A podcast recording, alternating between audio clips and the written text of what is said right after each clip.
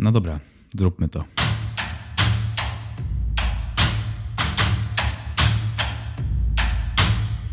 Na HBO pojawił się serial The Last of Us. Jest to adaptacja gry z 2013 roku o tym samym tytule. Gra stała się globalnym hitem, bijąc rekordy w sprzedaży i ilości wygranych nagród. Ja mam na imię Marek Szczepański i chciałbym raz jeszcze wybrać się w podróż po Stanach Zjednoczonych z Joelem Eli i tym razem również z Wami. Serdecznie zapraszam do słuchania. If you don't think there's hope for the world, why bother going on?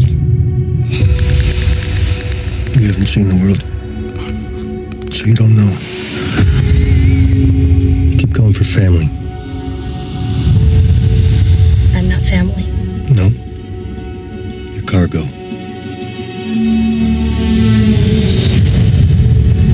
No dobrze, jesteśmy tu, kochani. Jesteśmy w tym miejscu. Po raz kolejny The Last of Us, produkcja tym razem HBO trafiła na ekrany. Możemy się cieszyć serialem dziewięcioodcinkowym, jeśli dobrze pamiętam. Jest to ogromna produkcja. Ten odcinek będzie trochę dłuższy, bo będzie wprowadzeniem do tego, jak historia The Last of Us powstała, kto ją stworzył. Będzie to prowadzenie do całego tytułu, do założeń tej, tej opowieści.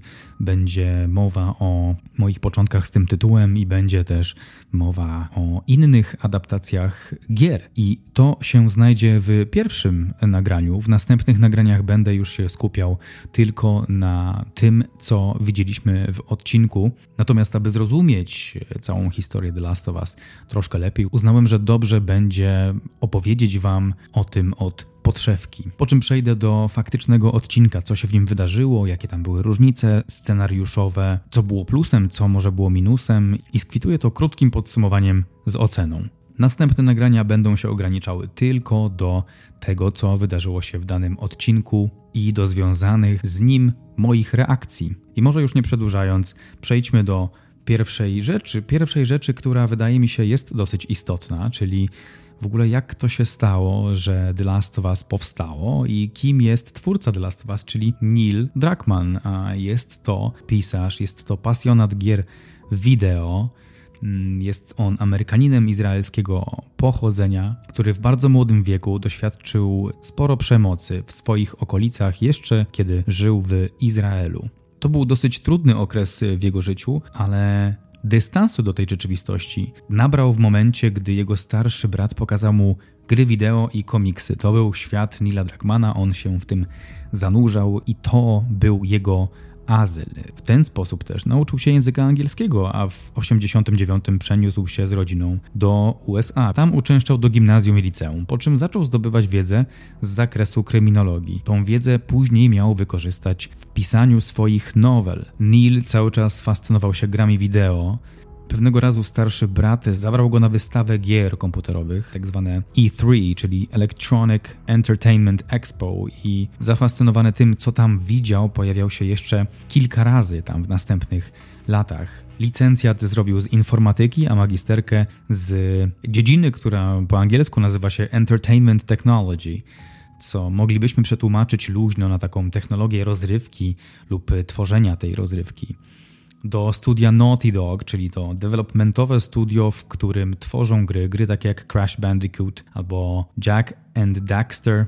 Dzisiaj możemy znać to studio też z takich tytułów jak Uncharted, na przykład franczyza, która osiągnęła ogromny sukces. On natomiast dołączył do Naughty Dog w 2004 roku jako stażysta. Od 2005 dopiero zaczął współpracować przy tworzeniu gier. Od 2010 zaczął wprowadzać trochę ciemniejsze barwy do, do studia, do historii tworzonych przez deweloperów, chociażby przez wprowadzenie The Last of Us. Wtedy też pojawiły się takie tytuły jak The Last of Us Left Behind czy Uncharted 4 Kres Złodzieja, Zaginione Dziedzictwo. To był też okres największych sukcesów związanych z The Last of Us. Tworzenie tej gry zajęło około 3 lat i było bardzo utajnione, do tego stopnia, że szyfrowano nazwę gry. Z początku nazywano ją Project Thing, czyli projekt rzecz, albo T1, T1. Naughty Dog wcześniej podzielił zespół na dwa.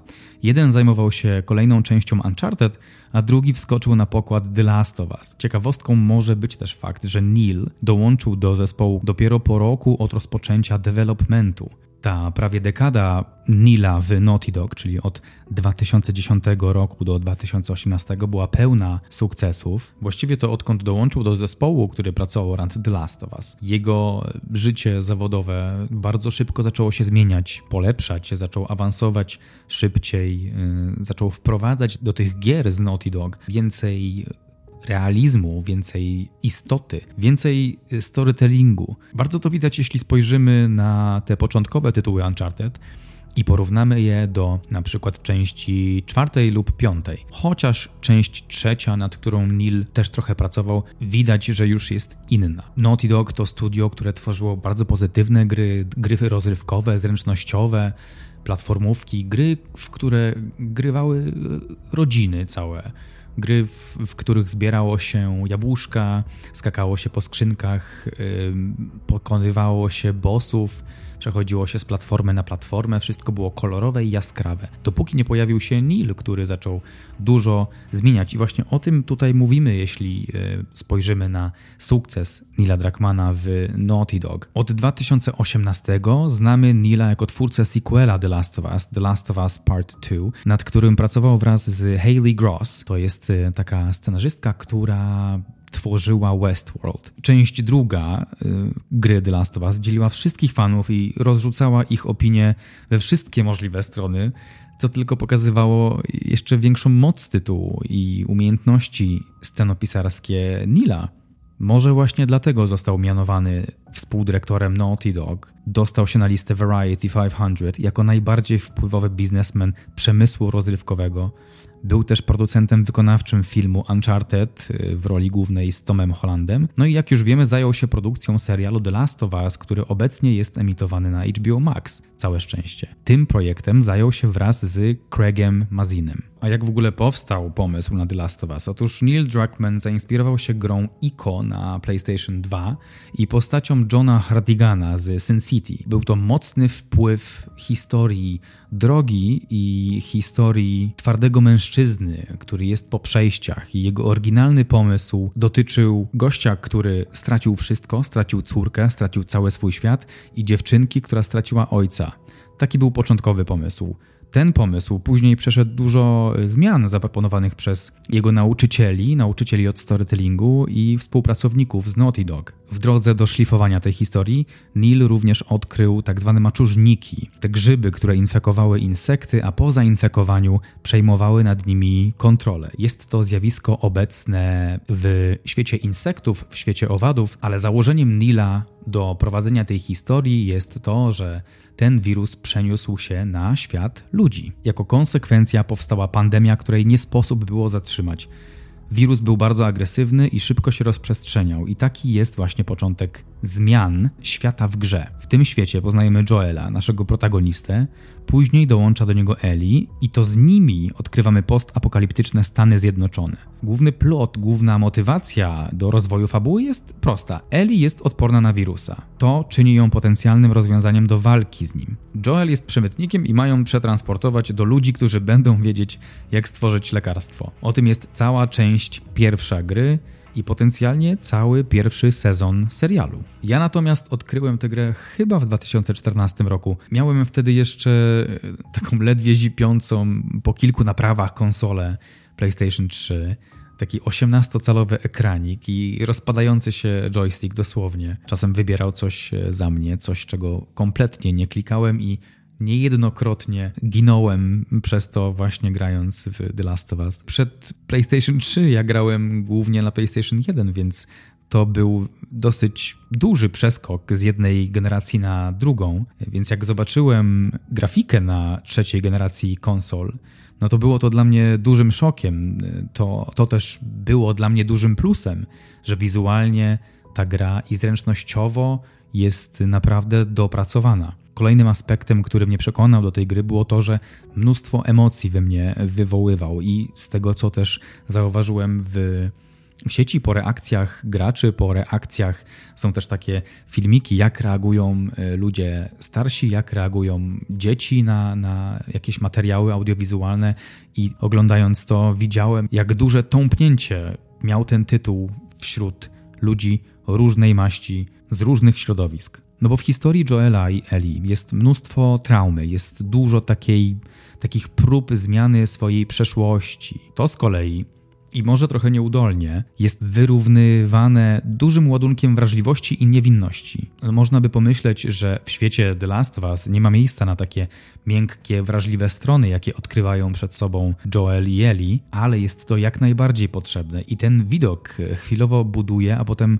łamie serca. Z poziomu developmentu fascynujące dla mnie było, że można stworzyć tak silną relację z postacią z gry. The Last of Us to scenariusz oparty na relacjach i Neil to wielokrotnie przyznaje. W budowaniu historii taką cechą charakterystyczną jego stylu jest pokazywanie zależności między bohaterami i dokładne opisywanie tego, w jaki sposób oni ze sobą wchodzą w interakcję. Mimo, że jest to historia liniowa, czyli jest punkt A jest punkt Z, i niezależnie od tego, co zrobisz w, w, grze, w tej historii, idziesz prostą linią do końca historii. Nie możesz, nie możesz podejść do jakiejś postaci losowej i rozpocząć jakiś kolejny podwątek. Idziesz cały czas jedną fabułą, wątkami, które doprowadzają cię do tego ostatecznego końca. I mimo, że jest to historia liniowa, czyli jest punkt A i jest punkt Z, i jest to bardzo określone, co się dzieje w drodze do punktu Z, to właśnie te relacje wzbogacają całe doświadczenie. Dla mnie to była pierwsza świetnie napisana gra i zainspirowała mnie do dalszego eksplorowania dobrego kina w ogóle i dobrych historii filmowych. Temat adaptacji gier jest nam trochę znany. Możemy spojrzeć na takie filmy jak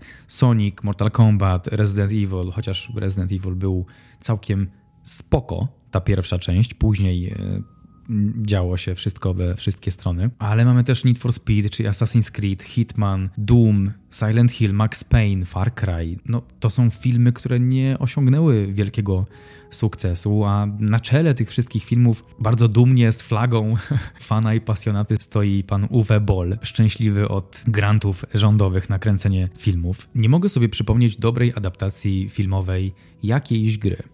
Gra mogła osiągnąć sukces, zarobiła dużo pieniędzy, ale jak przenosili to na ekran filmowy, to wtedy okazywało się, że, że jest to klapa. Z tego co zauważyłem, no to albo twórcy próbują stworzyć taką adaptację jeden do jednego, czyli to, co się działo w grze, my wam teraz przenosimy na ekran i to będzie super, albo tworzą coś zupełnie odklejonego od oryginału. Kiedy ten złoty środek może leżeć po środku? Według mnie The Last of Us będzie świetną adaptacją, bo nie wpycha na siłę tego, co już było w grach ale wyprzedza to, czego się spodziewamy i traktuje nas jak inteligentnych widzów. Zmienia elementy fabuły po to, aby wydobyć istotę tej opowieści. Nie żeby zarobić hajs, albo nie żeby lecieć na fali zarobionego hajsu. I wszystkie te decyzje, które podejmują, które zmieniają ten scenariusz, one sprawiają, że jest on bardziej interesujący, bo de facto rdzeń tej opowieści, czyli ta, ta relacja między Joelem a Eli i to, co się dzieje między nimi i to, do, do jakich wniosków oni dochodzą i to, jak ich świat się zmienia na przestrzeni trwania historii, jest tą pestką, tą esencją. I widzimy tą esencję w pierwszym odcinku. Co tam się dzieje? Poznajemy Joela, poznajemy jego córkę Sarę, Tomiego, brata. Generalnie to wszystko, co dzieje się w grze na początku, my też poznajemy w pierwszym odcinku The Last of Us, czyli jest to pokrycie rozdziałów z gry Hometown, czyli miasto rodzinne i Quarantine Zone, czyli strefa kwarantanny. W tym odcinku dowiadujemy się, jak doszło do tej pandemii, jak ten wirus się rozprzestrzenia, jakim człowiekiem jest Joel, jakim człowiekiem jest Tommy. Przynajmniej dostajemy takie odczucie, takie wrażenie, kim oni mogą być w dalszej części historii. Obserwujemy tragiczny wypadek w pierwszym odcinku, czyli śmierć Sary. Scena, która przy tworzeniu gry była emocjonalnie druzgocąca i to też pewnie była jedna z mm, sił tego tytułu, gdy wyszedł na konsolę. Widzimy też Joela po tych 20 latach trwania pandemii i tej nowej rzeczywistości, czyli jesteśmy już osadzeni w tym postapokaliptycznym świecie wraz z Tess, z Marlene, z Ellie i widzimy Joela po przejściach, widzimy Joela, który niesie tą swoją traumę przez kilkadziesiąt lat bez y, właściwie żadnej pomocy i widzimy, że chce się skontaktować ze swoim bratem, z Tomim i próbuje to zrobić, ale spotyka jakieś przeszkody na swojej drodze. A mianowicie akumulator, którego miał użyć do podróży, został sprzedany przez Roberta, czyli gościa, który handluje z, z Joelem i Tess. Joel i Tess są przemytnikami, nie zajmują się wysokimi moralnie rzeczami, ale robią wszystko, żeby przetrwać. I to też widać w tym odcinku. Widać chęć przetrwania Joela i Tess, i widać też to było w grze. Cała historia jest w ogóle rozszerzona troszeczkę. Zaczynamy w studiu telewizyjnym, nie zaczynamy w domu na kanapie. Twórcy nam oferują pewne uzupełnienie tego, co nie było pokazane w grze. W serialu widzimy, że historia zaczęła się o wiele wcześniej, że to był rok 1968, kiedy do studia telewizyjnego zostali zaproszeni specjaliści, rozmawiali oni o zakażeniach, o epidemiach, o pandemiach, o infekcjach, o tym, dokąd może prowadzić zmiana klimatu i w ten sposób twórcy urealniają historię The Last of Us. Oni nam przenoszą trochę realia growe ówczesne, bo to był 2013 rok, gdy gra wychodziła, na nasze realia obecne i trochę to próbują uwypuklić. Problem klimatu jest problemem, który wpisuje się w narrację naszego obecnego świata i to sprawia, że my wchodzimy w tą historię głębiej i zaczynamy wchodzić w ten realizm. To według mnie fajnie uzupełnia i uwiarygadnia scenariusz z gry, który już był dosyć, dosyć wiarygodny. Czyli mamy kilka punktów. Poznajemy Sarę, poznajemy Joela, poznajemy Tomiego, widzimy w jaki sposób ten ich świat jest y, łamany i widzimy jakim człowiekiem Joel staje się po tych kilkudziesięciu latach, w jakim świecie się znajduje, jakie ma motywacje i dokąd zmierza. W pierwszych scenach serialu widzimy różową poświatę w pokoju Sary, czyli córki Joela, jednocześnie dając nam do zrozumienia, że jest to świat taki niewinny, taki lekki, taki dziecinny, w którym jest y, miejsce na naiwność, na czułość, na tą właśnie wrażliwą stronę. A druga część serialu pokazuje nam rewers tego, jak świat jest niebezpieczny, jak mało miejsca jest y, dostępnego na tą wrażliwą stronę. Sceny są też tak tworzone przez operatora tak trochę z ręki, a nawet bardzo z ręki. Te handheldy mi osobiście trochę przeszkadzają, bo nie do końca pozwalają skupić się na obiekcie. Natomiast pozytywna strona jest tego taka, że możemy się poczuć bardziej z nimi na tej przestrzeni, na której oni aktualnie przebywają. To też dodaje trochę dynamiki obrazowi. I bardzo fajną rzeczą było dla mnie osobiście to, jak pokazali rozwój tej pandemii. W grze to była krótka piłka. Joel wbiega do domu, wyjmuje broń i strzela w sąsiada. Tutaj to trochę więcej czasu zajmuje. Tutaj jesteśmy karmieni takimi wskazówkami. Jednej osobie poruszy się nerwowo ręka, pani Adler, sąsiadka, babcia będzie się wyginać w konwulsjach i nie do końca wiemy o co chodzi, czemu tak, czemu tak jest. Sara odwiedzając sklep, żeby naprawić zegarek Joelowi, czyli swojemu tacie, jest instruowana przez właścicieli sklepu, żeby jak najszybciej wróciła do domu. Widzimy latające samoloty, widzimy, że coś jest nie tak, ale jest to era braku sociali, więc ludzie tak jakby no, patrzą na to niebo i myślą: okej, okay, jest coś się dzieje, ale nie do końca wiem co, więc jakby wracam do domu, bo po co mam tutaj być. Gdzie no, w naszym świecie obecnym, jeśli cokolwiek takiego by się wydarzyło, to social media byłyby wypchane tymi faktami, tymi wiadomościami. Więc historia ma trochę więcej oddechu, ona trochę wolniej się rozwija, ale wszyscy wiemy do, do czego zmierza. Do, do, jakiego efektu zmierza. I to, co mi się bardzo podobało w tym serialu, to, to, to przedstawienie nowej teorii albo uzupełnienie tej starej teorii. Być może ona nie była do końca jasna w grach, bo w grach ym, mieliśmy świat z perspektywy gracza, z perspektywy tej osoby, którą się gra. I w zależności od tego, ile informacji zebraliśmy po drodze, czy przeczytanych gazet, czy zebranych notatek, listów do opuszczonych członków rodziny, czy notatek głosowych, na tej podstawie poznawaliśmy świat. I czytając tamte gazety, była mowa o, o zakażeniu z żywności, Organizacja, która nazywa się FDA, czyli Food and Drug Administration, po polsku Agencja Żywności i Leków, ogłaszała w gazetach, że jest pewien problem z żywnością, ale nie było to aż tak rozwinięte. W serialu słyszymy w radiu, że jest jakiś problem z żywnością na Bliskim Wschodzie, że są jakieś zakażenia, że jest jakieś nieporozumienie. Słyszymy to w, w radiu. Być może nie wszyscy to wyłapali, ale osoby, które w prologu jedzą produkty mączne, najszybciej przemieniają się w, w tych zarażonych. Joel akurat tych produktów mącznych nie je i zarówno Joel, jak i Sara odmawiają tych produktów kilka razy w ciągu prologu i na początku jest to, to takie niewinne.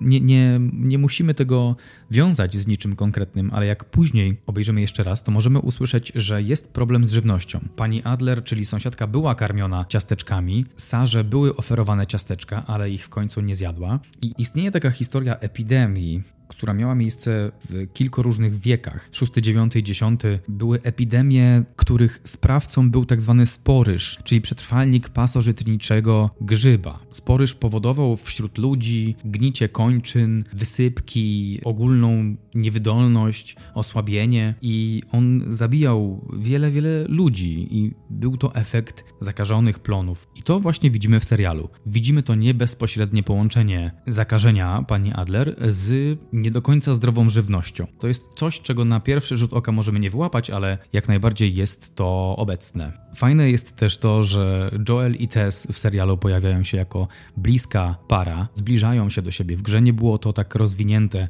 Widać było, że coś między nimi jest, ale nie do końca można było to nazwać, położyć na tym palca. Coś, jakaś tam czułość była między nimi, ale w serialu widzimy, że oni śpią, że oni się przytulają podczas spania i nawet okazują sobie jakąś czułość, więc to też było uzupełnienie tej historii, którą znamy z gry. Odcinek pokazuje nam wszystko od momentu poznania Joela i Sary do momentu opuszczenia strefy kwarantanny. Na tym kończy się odcinek. Y, wiemy, że czeka na nich niebezpieczeństwo. Wiemy to z gier i wiemy też to z piosenki z lat 80., która w serialu była szyfrem na niebezpieczeństwo poza strefą kwarantanny. Także zarówno rozpoczyna, jak i kończy się ten odcinek w bardzo fajnych momentach i świetnie jest przedstawiony ten koniec. Nie zostawia widza z niedosytem. Dostaliśmy dosyć sporą dawkę wydarzeń. Wiemy, co z czego wynika, wiemy, gdzie bohaterowie zmierzają, jakie mają motywacje i wiemy, że to niebezpieczeństwo, te emocje, one będą eskalować, bo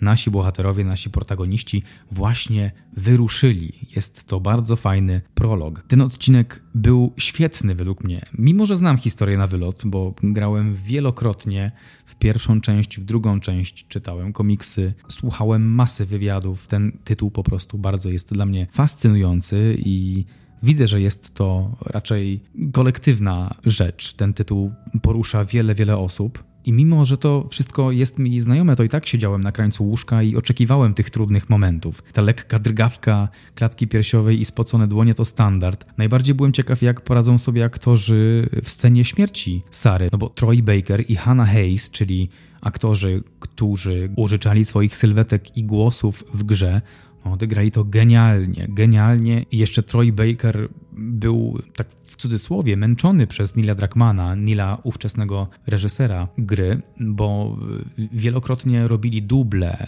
Ta scena musiała być realna. Nilowi zależało na tym, żeby Troy Baker grający Joela przechodził przez pewne etapy straty w trakcie śmierci córki, żeby to nie było pompatyczne, krzyczenie do nieba i, i wołanie do Boga, czemu ja, czemu ja, tylko żeby to był kroczek po kroczku. Tragedia, akceptacja, smutek żeby to było wszystko widoczne. I Troy Baker zrobił to genialnie. Hannah Hayes świetnie zagrała tą córkę. To był szczyt realizmu, to było brutalne sprowadzenie widza na ziemię i takie powiedzenie widzowi, tak wygląda ten świat. Ten świat jest realny, jest brutalny, nie ma miejsca na ucieczkę. A Pedro Pascal i Nico Parker, mimo że krótko na ekranie razem byli, to odegrali to super. Super mieli chemię i to jest rzecz, która była wielokrotnie oglądana przez fanów gry przeze mnie, a i tak potrafiła wywołać ogromny ładunek emocjonalny. I tak tę stratę dało się odczuć. Także według mnie odcinek zasługuje na pełną dychę. Jest naprawdę dobrze zrobiony. Są takie zmiany w scenariuszu, które tylko sprawiają, że jest on bardziej interesujący, nie zaburza istoty tej opowieści i mamy naprawdę fajny duet na ekranie, fajną chemię. Jestem bardzo ciekaw, gdzie to się rozwinie, więc spodziewajcie się więcej nagrań od Last of Us, bo serial zapowiada się świetnie i moja obsesja ma czym się karmić przez najbliższe kilka tygodni. Nowe nagrania będą wypuszczane prawdopodobnie co wtorek, niezależnie od naszych poptokowych nagrań, więc jak macie jakieś przemyślenia, komentarze, to zapraszam bardzo. Odzywajcie się i piszcie. A teraz życzę Wam miłego tygodnia i do usłyszenia.